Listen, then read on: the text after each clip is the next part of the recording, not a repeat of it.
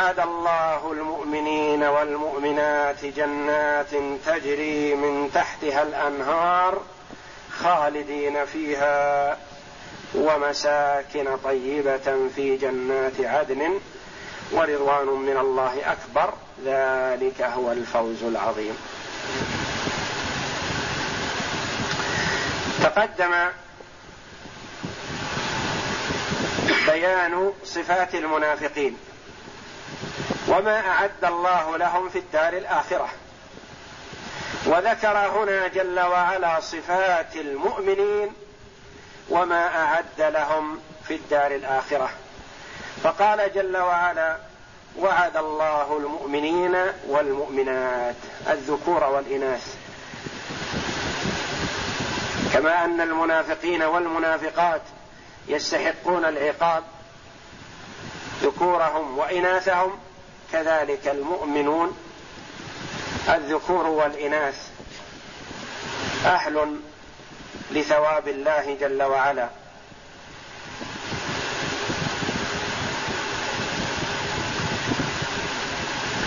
وعد الله المؤمنين والمؤمنات جنات تجري من تحتها الأنهار. الجنات البساتين. وسمي جنة لأنه يستر ما تحته. الأشجار إذا التف بعضها ببعض وسترت ما تحتها يقال لها جنة في أنها تجن وتستر ما تحتها. جنات تجري من تحتها الأنهار تجري الأنهار من تحتها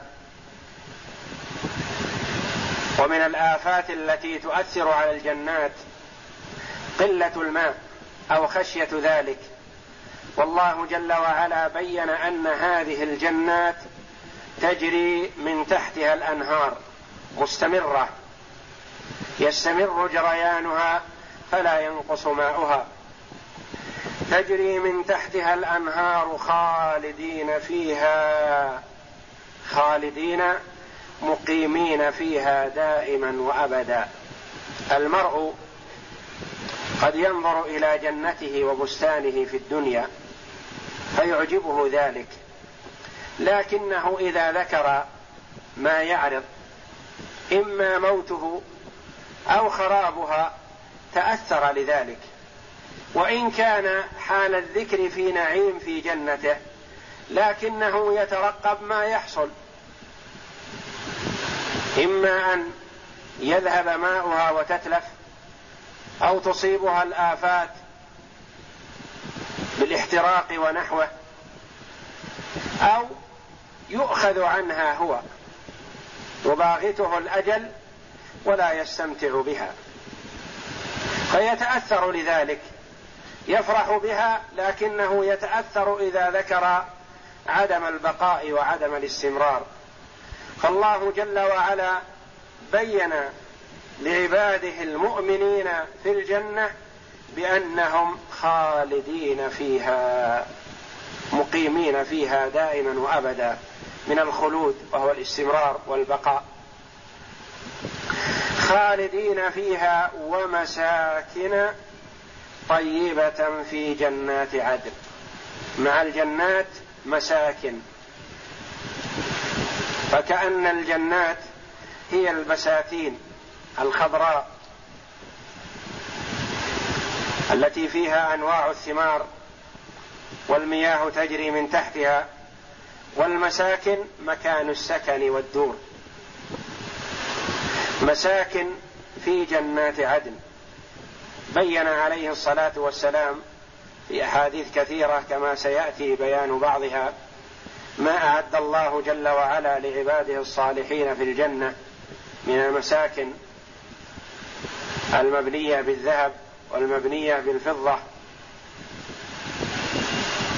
وما أعد الله فيها لعباده الصالحين مما لا عين رأت ولا أذن سمعت ولا خطر على قلب بشر. مهما حاول المرء أن يتصور نعيم الجنة فإنه لا يستطيع ذلك. كما ورد في الحديث القدسي أعددت لعبادي الصالحين ما لا عين رأت ولا أذن سمعت ولا خطر على قلب بشر. ما يخطر على قلب بشر نعيم الجنة. ما يستطيع البشر أن يتصوره ولا يستطيع إدراكه.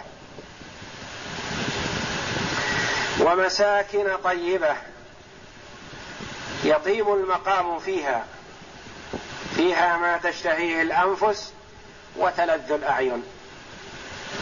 في جنات عدن عدن بمعنى إقامة يقال عدن بالمكان بمعنى أقام به. يعني جنات إقامة لا رحيل منها.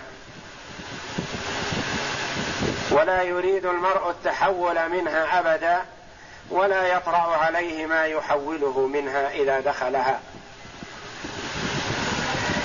في جنات عدن ورضوان من الله أكبر.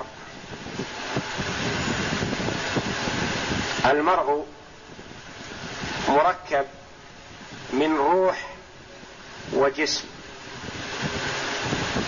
فالجسم يتلذذ بهذه المحسوسات التي ذكر الله جل وعلا الجنة والأنهار والمساكن الطيبة. وهناك ما هو أعظم من ذلك وأكبر وهو لذة الروح وأنس الروح. بماذا؟ برضوان الله جل وعلا. وبالنظر إلى وجهه الكريم.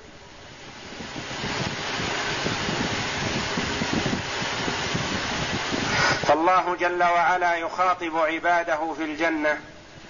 هل يطلبون شيئا؟ هل يريدون شيئا؟ فيجيبون بأنهم لا يطلبون أكثر مما هم فيه من النعيم المقيم. فيقول الله جل وعلا ألا أزيدكم؟ فيقولون لا زيادة على ما نحن فيه. فيقول جل وعلا أحل عليكم رضواني فلا أسخط أبدا. وهذا أطيب لذة وأحسن شيء لدى روح المرء في الجنة إذا عرف أن الله جل وعلا راض عنه ولن يسخط أبدا. ورضوان من الله أكبر. أي أكبر من كل شيء مما في الجنة من النعيم المقيم. ورضوان من الله أكبر ذلك أي المذكور الرضوان وما قبله الفوز العظيم السعادة التي لا يعدلها شيء. والله جل وعلا هو العظيم يقول ذلك الفوز العظيم.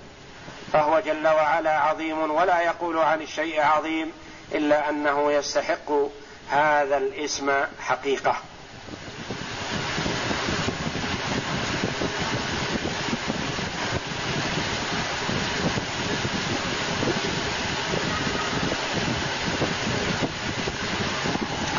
ففي هذه الآيات بيان لصفات المؤمنين. والمرء يعرض نفسه على هذه الصفات. ثم يلي ذلك بيان ما أعده الله جل وعلا لهم في الدار الآخرة. ليشتاق المؤمنون إلى لقاء الله جل وعلا ويستعدوا لذلك بالأعمال الصالحة. فالدنيا مزرعة الآخرة فمن زرع فيها خيرا لآخرته حصد خيرا في الآخرة. ومن لم يقدم في دنياه خيرا خسر دنياه وآخرته والعياذ بالله.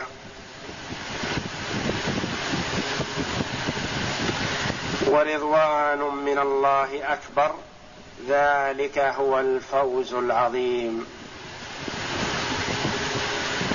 أين جواب رضوان أين خبر ورضوان من الله؟ رضوان من الله. أين خبره؟ أكبر. رضوان من الله أكبر من كل ما تقدم. ذلك محلها من الإعراب. مبتدأ. وأين جوا خبره؟ هو مبتدأ ثاني والفوز العظيم خبر المبتدأ الثاني وجملة المبتدأ الثاني وخبره خبر المبتدأ الأول. بسم الله. وعد الله المؤمنين والمؤمنات جنات تجري أعوذ بالله من الشيطان الرجيم. وعد الله المؤمنين والمؤمنات جنات تجري من تحتها الأنهار خالدين فيها ومساكن طيبة في جنات عدن ورضوان من الله أكبر. ذلك هو الفوز العظيم. قال العماد بن كثير رحمه الله تعالى يخبر تعالى بما أعده للمؤمنين به والمؤمنات من الخيرات والنعيم المقيم في جنات تجري من تحتها الأنهار خالدين فيها أي ماكثين فيها أبدا ومساكن طيبة أي حسنة البناء طيبة القرار كما جاء في الصحيحين من حديث أبي عمران الجوني عن أبي بكر بن أبي موسى عبد الله بن قيس الأشعري عن أبيه قال قال رسول الله صلى الله عليه وسلم جنتان من ذهب آنيتهما وما فيهما وجنتان من فضة آنيتهما وما فيهما. وما بين القوم وبين أن ينظروا إلى ربهم إلا رداء الكبرياء على وجهه في جنة عدن. وبه قال قال رسول الله صلى الله عليه وسلم إن للمؤمن في الجنة لخيمة من لؤلؤة واحدة مجوفة مجوفة طولها ستون ميلا في السماء. للمؤمن فيها أهلون يطوف عليهم لا لا يرى بعضهم بعضا. أخرجاه في الصحيحين. وفيهما أيضا عن أبي هريرة رضي الله عنه قال قال رسول الله صلى الله عليه وسلم من آمن بالله ورسوله وأقام الصلاة وصام رمضان فإن حقا على الله أن يدخله الجنة هاجر في سبيل الله أو حبس في أرضه التي ولد فيها. قالوا يا رسول الله أفلا نخبر الناس؟ قال إن في الجنة مائه درجة أعدها الله للجنه مئة قال إن في الجنة مئة درجة أعدها الله للمجاهدين في سبيله بين كل درجتين كما بين السماء والأرض. فإذا سألتم الله فاسألوه الفردوس فإنه أعلى الجنة وأوسط الجنة ومنه تفجر أنهار الجنة وفوقه عرش الرحمن. وعند وعند الطبراني والترمذي وابن ماجه من رواية زيد بن أسلم عن عطاء بن يسار عن معاذ بن جبل رضي الله عنه سمعت رسول الله صلى الله عليه وسلم يقول فذكر مثله.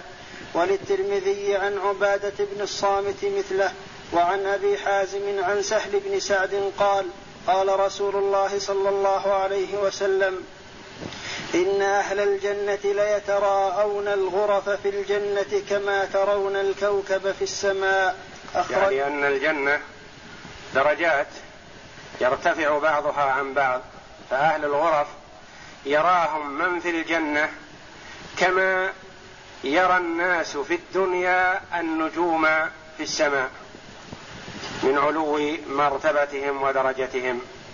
نعم. أخرجاه في الصحيحين ثم ليعلم أن أعلى منزلة في الجنة مكان يقال له الوسيلة. لقربه من العرش وهو مسكن رسول الله صلى الله عليه وسلم من الجنة. كما قال الإمام أحمد حدثنا عبد الرزاق أخبرنا سفيان عن ليث عن كعب عن أبي هريرة رضي الله عنه أن رسول الله صلى الله عليه وسلم قال إذا صليتم علي فسلوا الله لي الوسيلة. قيل يا رسول الله وما الوسيلة؟ قال أعلى درجة في الجنة. لا ينالها إلا رجل واحد وأرجو أن أكون أنا هو.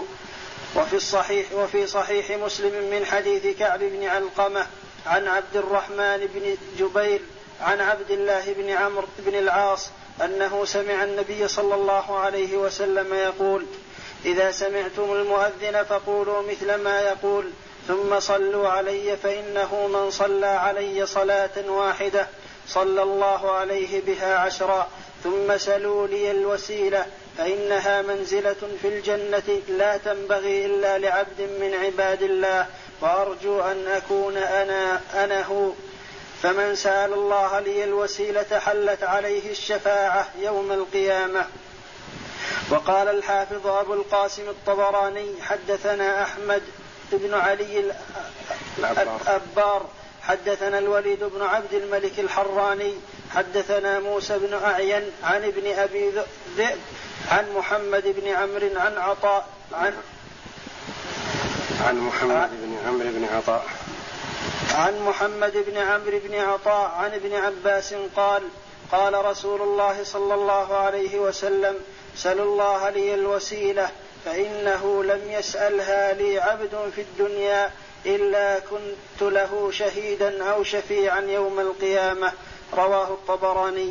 وفي مسند الإمام أحمد من حديث سعد بن مجاهد ذهب ولبنة فضة وملاطها المسك وحصباؤها اللؤلؤ والياقوت وترابها الزعفران. من يدخلها ينعم لا يبأس ويخلد ولا ويخلد لا يموت. لا تبلى ثيابه ولا يفنى شبابه. وروي عن ابن عمر مرفوعا نحوه. وعند الترمذي من حديث عبد الرحمن بن إسحاق عن النعمان بن سعد عن علي رضي الله عنه قال قال رسول الله صلى الله عليه وسلم إن في الجنة لغرفا يرى ظاهرها من باطنها وباطنها من ظاهر وباطنها من ظاهرها. فقام أعرابي فقال يا رسول الله لمن هي؟ فقال لمن طيب الكلام وأطعم الطعام وأدام الصيام. وصلى بالليل والناس نيام.